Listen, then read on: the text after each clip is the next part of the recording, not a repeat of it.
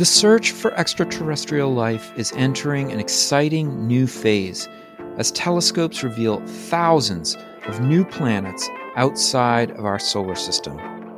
What will the first signature of life look like? And how will we know it when we see it?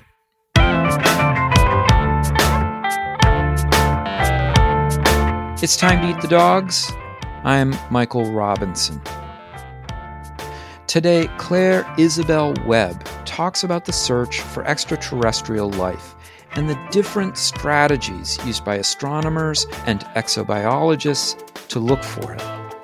Webb is a PhD candidate at MIT's History, Anthropology, Science, Technology, and Society program. Her dissertation project, Technologies of Perception The Search for Life and Intelligence Beyond Earth, won this year's HSS NASA Fellowship in Aerospace History. Claire Isabel Webb, thank you for talking with me. My pleasure. So, your research looks at different communities who are interested in extraterrestrial life. One of these communities is interested in the search for extraterrestrial intelligence. I was wondering if you could talk about who these researchers are and how do they how do they do their work? Sure. So this field of research, modern SETI, the modern search for extraterrestrial intelligence, a date that's often cited is in 1960 when Frank Drake launched Project Ozma at the Green Bank Telescope in West Virginia. And he was inspired by a paper by Cocconi and Morrison written in 1959, published in Nature, and it mapped a scientific mandate to use radio telescopes to search for what have now become known as technosignatures, which would be signals from an intelligent alien. So, SETI practitioners often say that they're searching for intelligence, but really they're searching for technosignatures, which would be narrow band, so they would take up a small part of the electromagnetic spectrum. They would be repeating, that we could confirm their existence. They would be powerful, so they would rise however many sigma above the noise in this increasingly kind of crowded and noisy radio spectrum. And hopefully, they would embed some kind of pattern as a way of communicating either symbolically or mathematically or linguistically we have we have no idea what kind of patterns that might emerge that would be distinguishable but we would be able to recognize them as artificial hmm.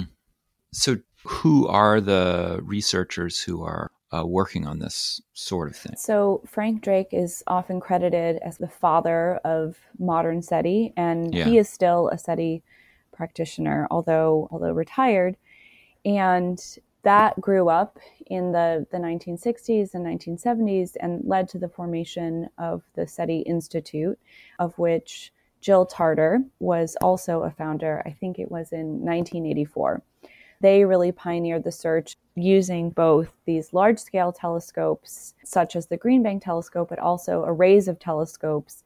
And they've tried many different methods uh, in the past 50 years of even incorporating now artificial intelligence and machine learning techniques but in the 70s and 80s you know going through by hand and deciding if any kind of signals were worth investigating further of course most of them turn out to be someone left the microwave on and that creates yeah. what would be what would look like a, a techno signature so i would say that while there is actually growing interest in SETI now, which I'm super excited about, the two main groups, the two kind of behemoths of SETI of SETI research have been the SETI Institute, uh, which was publicly funded until 1993 when Congress cut their funding, and then since then they've kind of had to find a way to cobble together funding from private donors. And recently, Breakthrough Listen. So Breakthrough Listen is the main group that I work with, and these are both the SETI Institute and Breakthrough Listen are California based. The main place that the SETI Institute does research is using arrays of telescopes in Hat Creek,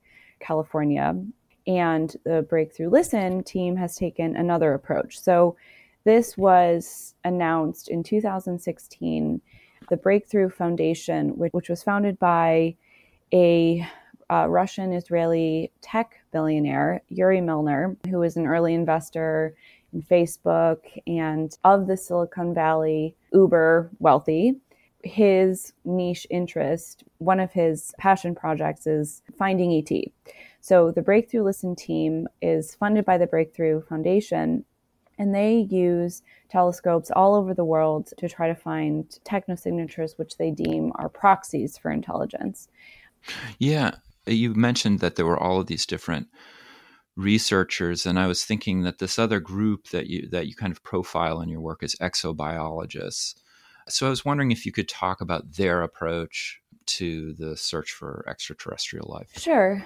So, um, with the founding of NASA in the late 50s, there was this huge push in space science. And a lot of that was defined by militaristic and nationalistic one-upmanship that was, you know, native to the Cold War. So this ideological struggle between the Soviet Union and the US and the space age, the space race. Within that cultural milieu, the exobiologists were this group of civilian scientists who uh, were very interested in doing basic science. So they were building on biological theories of the Oparin Haldane hypothesis, which was premised on this idea that in the early universe, there was this chaotic environment that led to the emergence of enzymes like DNA, RNA that then gave rise to protoforms of life that then gave rise to life. So, this question of the origin of life, which we still don't really have a clear picture of, was very much kind of in the minds of these exobiologists. Those experiments were then further articulated by the famous Urey Miller experiments of the 50s that oh, yeah. showed that these enzymes could be created using barks that were meant to kind of simulate lightning in the early Earth that kind of confirmed the Oparin Haldane hypothesis. So exobiologists were um, really interested in working with NASA to not just be the first nation on the moon, but to explore the idea of a universalized theory of biology on other planets, especially Mars, but also the moon and Venus. So the civilian scientists and you know i i think that joshua lederberg deserves a call out by name just because he was so instrumental in pushing exobiology forward not just in the in the late 50s and 60s but through the 70s and 80s and worked to mitigate the the ideological tensions between the US and the USSR and, and kind of move the conversation to conversations about planetary contamination. So Joshua Lederberg was not originally a space scientist, he was a microbiologist. That's right. And in the late 1950s, I think he was in Singapore with actually um, Haldane, who was a theoretical biologist who had um, explored ideas of like how life could have originated on Earth. And they did this back of the envelope calculation if the Soviets journeyed to the moon and had detonated a nuclear bomb, if that would be visible on Earth. And they decided that, that yes, that people on Earth could have seen this extraterrestrial body impacted by this nuclear event. So, this was, I think, the moment where Lederberg started to be very concerned about the preservation of extraterrestrial bodies such as the moon, especially as they pertain to their search for life beyond Earth. So, a nuclear bomb going off would have completely shifted any kind of archaeology that that scientists going to the moon would have had it would have disrupted this like pristine environment. And of course, Lederberg and other civilian scientists were looking for evidence of, of past life on the moon. They never really thought that life was extant, but they wanted to see, you know, were there kind of microbial fossils? You know, what could they learn? Could they form a, a truly universal theory of biology? They wanted to find out if life had arisen in a variety of different ways. So when planets form, when, you know, protoplanetary disks form in, in the early solar system, it's made of all of the same kind of stuff. Did an asteroid uh, land in this chaotic environment of the early solar system? Was Earth bombarded by um, an asteroid that had been carrying forms of life or the ingredients of life that had then proliferated. So, that, of course, is the idea of panspermia. Had that only happened on Earth?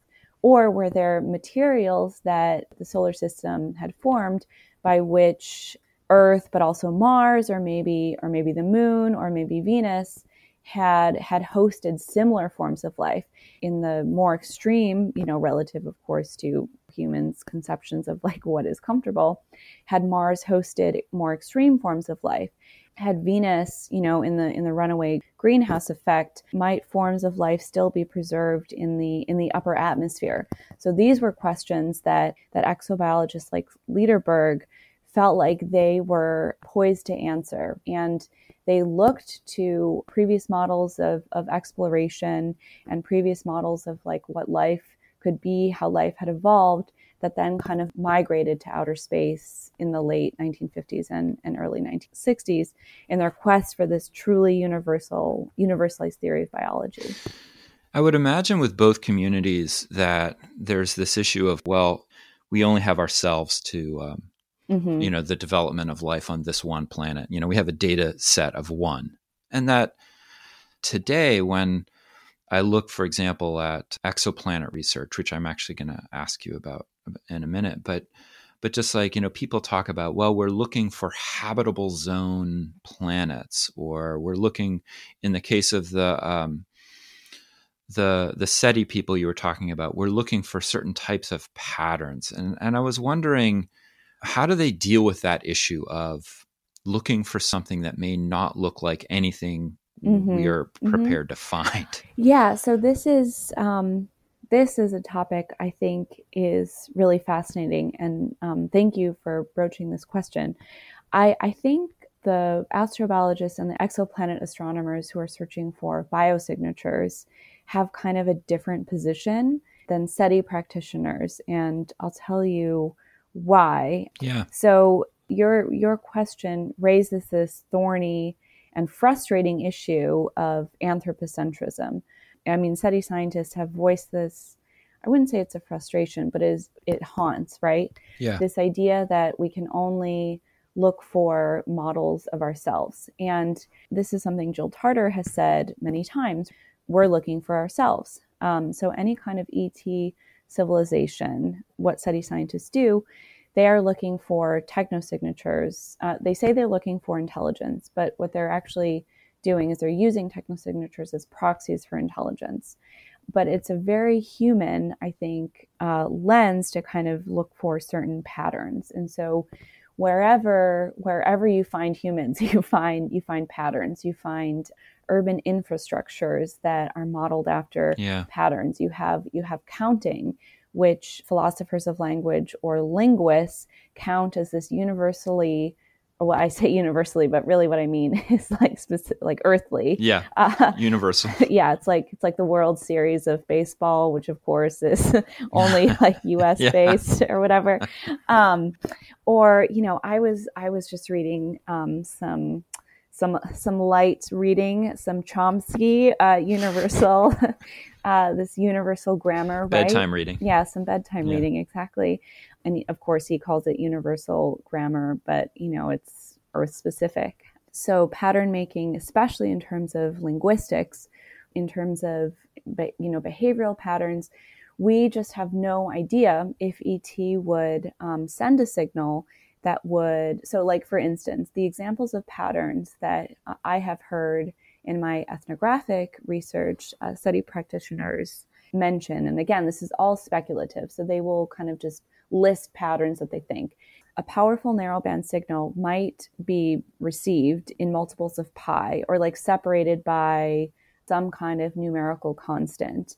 And what they are hoping is that this constant would be universally recognized. So I think that SETI very much embeds the idea that, and when I say universal this time, I mean truly universal, that there is some kind of mathematics and physics that would be recognized by both ET and and humans. And I think that SETI kind of orbits around this idea of commensurability. And I describe this as like enough. And so this commensurability and something that I'm really interested in is not just technological commensurability, right? That ET could send a signal that would be commensurable by being like recognized by, you know, a radio instrument that that humans built but also that we would have some kind of overlap in terms of a desire even to want to communicate or receive signals yeah. and that we would know how to do it once we receive it. And this is where I think it gets really interesting is that intelligence is a part of a system of ethics or values that would be about desire or compassion or curiosity to to connect on an interstellar level.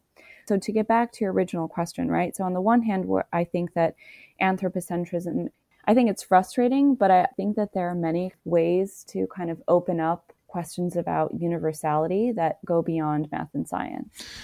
I was also thinking that in addition to like so just the things that you laid out it's like wow that you have to presume a lot about mm-hmm. an et in order for the seti project to make sense as a kind of search tool or search tools. Mm-hmm. And and when you put that up against what's happening in exoplanet research, the amount of material that's coming in um, from different planets and the ways at which uh, the, those communities of people are looking for also for signs of life, but they're looking for these really basic things. I think they're looking, for example, um, at the kinds of chemical signatures that are in atmospheres of mm-hmm. planets, which which seems like such a, a low bar compared to what SETI's mm-hmm. trying to do. And I was just wondering if you could talk a little about the differences between those communities of people. I mean, how do they see each other or the the kind of work that they do? Yeah, so I think that what is really fun about SETI is that they are this a very small community and everyone kind of knows each other. But of course, there is overlap with astrobiologists, and astrobiology is this huge umbrella term that, um, that as you mentioned, is very interdisciplinary. Whereas SETI might be characterized by this idea of anthropocentrism, for better or worse, astrobiologists are really working for biosignature, like a, a huge range of diverse biosignatures. And so from Hubble, from TESS, and from the James Webb, which everyone is very excited about, slated to launch, I think, in these are satellites uh, for people who don't know, s- satellites that are heading up in the next few years, right? Well, TESS is up now, and Webb is going to go up next year. Mm-hmm.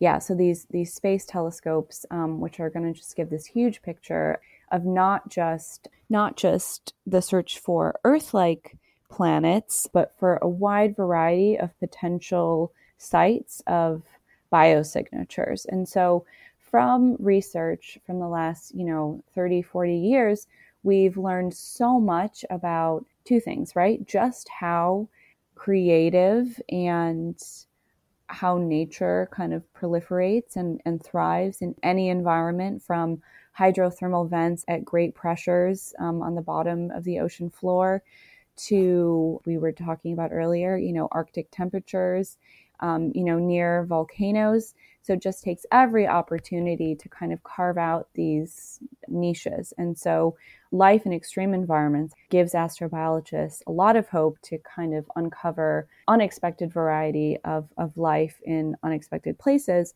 Also since since the first exoplanet has been discovered i mean it was like one and then it was 40 and now it's over 4000 yeah so in my conversations with exoplanetary astronomers too they get a little bit prickly about ideas like the you know we're looking for an earth-like planet in the habitable zone because they're finding all of these really curious planets right? Planets that are tidally locked planets that have you know really weird orbits. And so, while on the one hand, there really is, based on kind of the um, growing precision and accuracy that these space telescopes afford and, and new data techniques are affording to research techniques, um, there is truly kind of like, okay, you know, we have a 10 Jupiter mass planet. Okay, now we have a one Jupiter mass exoplanet. Like, and we're getting closer and closer yeah. to like the Earth mass exoplanet that would be maybe in a in a habitable zone that coupled with the the coincidence of like life being truly, at least on Earth, able to kind of thrive anywhere, this opens up all kind of exciting possibilities for for life in kind of unexpected places that would completely break any anthropocentric or I would say terracentric yeah. model. One of the things that you talk about in your work is you know you you've actually done historical work and i believe you're also doing current interviews. Is that is that right? Mm-hmm. yeah. And and uh, you've talked about this difference between the seti community and the exobiologist community as being also a difference in um, listening versus seeing that people are thinking about the the data they're receiving in different ways. Could you talk about that? Yeah. So part of what i'm interested in as a both historian of science and an anthropologist of science is how knowledge production is cultivated along edges of somatic metaphor. And the two metaphors that I'm uh, working with are visual technologies of perception and I guess like auditory technologies of perception. So, what I mean by visual technologies of perception are spectroscopic analyses of atmospheres, such as of uh, planets such as Mars and Venus, in astrobiologists' quest to find biosignatures. And um, the analogy that kind of emerges in SETI, on the other hand, is this idea of, of listening. And so, another aspect I'm interested in is kind of like how these are diffracted through technologies of the body. So, for instance, visual technologies of perception are often coupled with this idea of objectivity, which of course is a thorny it's a thorny word with a really rich history. Again, this is all part of this cultural moment of the 60s of the ability to venture beyond Earth's atmosphere and see Earth from below. That prompted this profound, I would say, cultural and popular and like public shift in perception of the planet, but also also really philosophical. So I'm of course referring to the the Apollo Apollo missions that Earthrise. Um, yeah, and the Earthrise image um, that American astronauts took on their orbit around the moon, left Earth's atmosphere, this idea of profound reorientation, both spatial and epistemological, of seeing Earth from above. So, ironically, while visual markers of relationality disappeared or kind of were made blurrier in the escape from in the escape from Earth, it made these astronauts feel like the very specific things on Earth. Um, you know, their families, their wives, their countries became even more dear. On the other hand, this prompted extreme anxiety for philosophers such as Martin Heidegger and Hannah Arendt because they worried that this this idea of artifice, right, the idea of seeing buildings from above, which you know you could see on a plane or highways, which you know you could see on top of a hill. The the disappearance of artifice from the view uh, afforded by space provoked this kind of like existential crisis. Yeah, you know, when I was reading about that interest of yours, it totally makes sense. These kinds of different technologies of perception, um, listening versus seeing. But I also noticed that you're a trained musician. You're a cellist, right? Mm-hmm, I am. And the reason I'm bringing that up is because I was thinking that uh, I'm a really bad musician, but it's it's really all about seeing and listening and pattern recognition. Yeah. And I was just wondering if any of this connected to your experience as a as a musician. Yeah, what a wonderful question it prompted me to remember my chamber the chamber groups that i was in in college. And i mean it's very different than than being in an orchestra when you you know you have to be with your section but you're and you're listening all around but your attention is on the conductor and and fitting into a part of a whole. So i'm a, a classically trained cellist and i would say performing chamber music is by far my favorite form of of performing music. So you you become really intimate and dear friends with your chamber group because there are some absolutely fabulous uh, you know, Schubert was very kind. Beethoven was very kind to to cellists in my uh, my particular. Mozart maybe not so much, but we'll forgive him. so you you are constantly like renegotiating your place in an ensemble, pulling away. You know, slight changes in tempo. Often the the cello is in conversation as a counterpoint to the first violinist or as a supporting kind of second voice along with the violist. And so you're you're part of these side conversations at the same time that you're constituting part of a larger whole, right? And the whole point is that you are expressing I mean, and anyone who's played or listened to classical music would agree that it it can be transcendent. So yeah. part of what what your question prompted me to consider is this idea of listening as an epistemic pathway to relate to others. And so, SETI practitioners, I've often noticed, right, in kind of their imaginations of ET, they're often very optimistic. And this is this is one reason that I would say the vast majority of SETI scientists, you know, use radio telescopes to listen for ET rather than search for ET. So this is this kind of like ugly cousin, METI. I, I, say that not from my perspective, but from the perspective yeah. of many of my interlocutors. So, METI messaging extraterrestrial um, intelligences or civilizations, right, sending signals out, transmitting signals, often makes SETI practitioners very nervous because they would alert ET to Earth's presence in maybe ways that would be scary.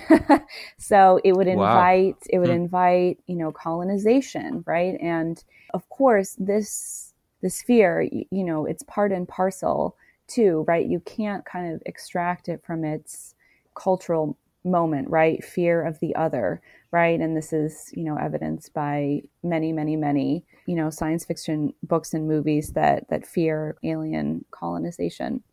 So while METI is kind of this fear, right? SETI SETI scientists are often very hopeful. So, like for instance, one of my interlocutors who's been doing SETI research for over 40 years at UC Berkeley, he he recently said to me, you know, maybe ET would teach us how to log on to the galactic internet, and we would get the blueprint for some kind of device that we would build that would, you know, help us capture the energy of the sun or the whole galaxy. And maybe you're familiar with the, the Kardashev scales. It's like Kardashev one. It's this, no, I don't these know. types of civilizations that have figured out figured out different levels of of um, of energy energy capture and then we would use these these devices to solve question or solve you know issues such as energy dependence or you know food shortages uh, poverty right so um, they're often very hopeful. I think that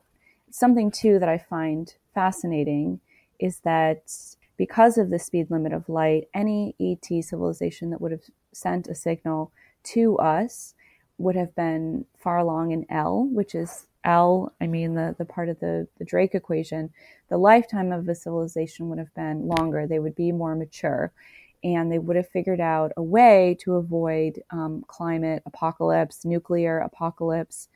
This is this is all to say that um, that SETI scientists' imaginations of ET are often very hopeful and optimistic, and they often kind of reflect better versions of of humans. And so, listening, I think, is a really powerful somatic metaphor because it configures an alien who is not just perceptible but relatable. Uh. ET would have compassion for us. And so we are kind of open, we're we're listening. Listening is a mode of communication, right? It's not just hearing, right? It's not just kind of this intake of information. It is often often a way of of configuring empathy. And that I think is really reflective of SETI practitioners' kind of view toward toward the alien, which I find to be um, very hopeful yeah. and lovely. Claire Isabel Webb, thank you so much for talking with me. Oh my God, my treat. What a pleasure. It was so fun. That's it for today. The music was composed by Zabrat. Make sure you check out the Time to Eat the Dogs website podcast links, and other exploration related stuff. And if you get the chance, please take a minute to rate and review the show wherever you get your podcasts. It really helps make the show visible to new listeners. And if you want to recommend a guest or make a comment, feel free to contact me at time to eat the dogs, that's one word, lowercase, at gmail.com. See you next week.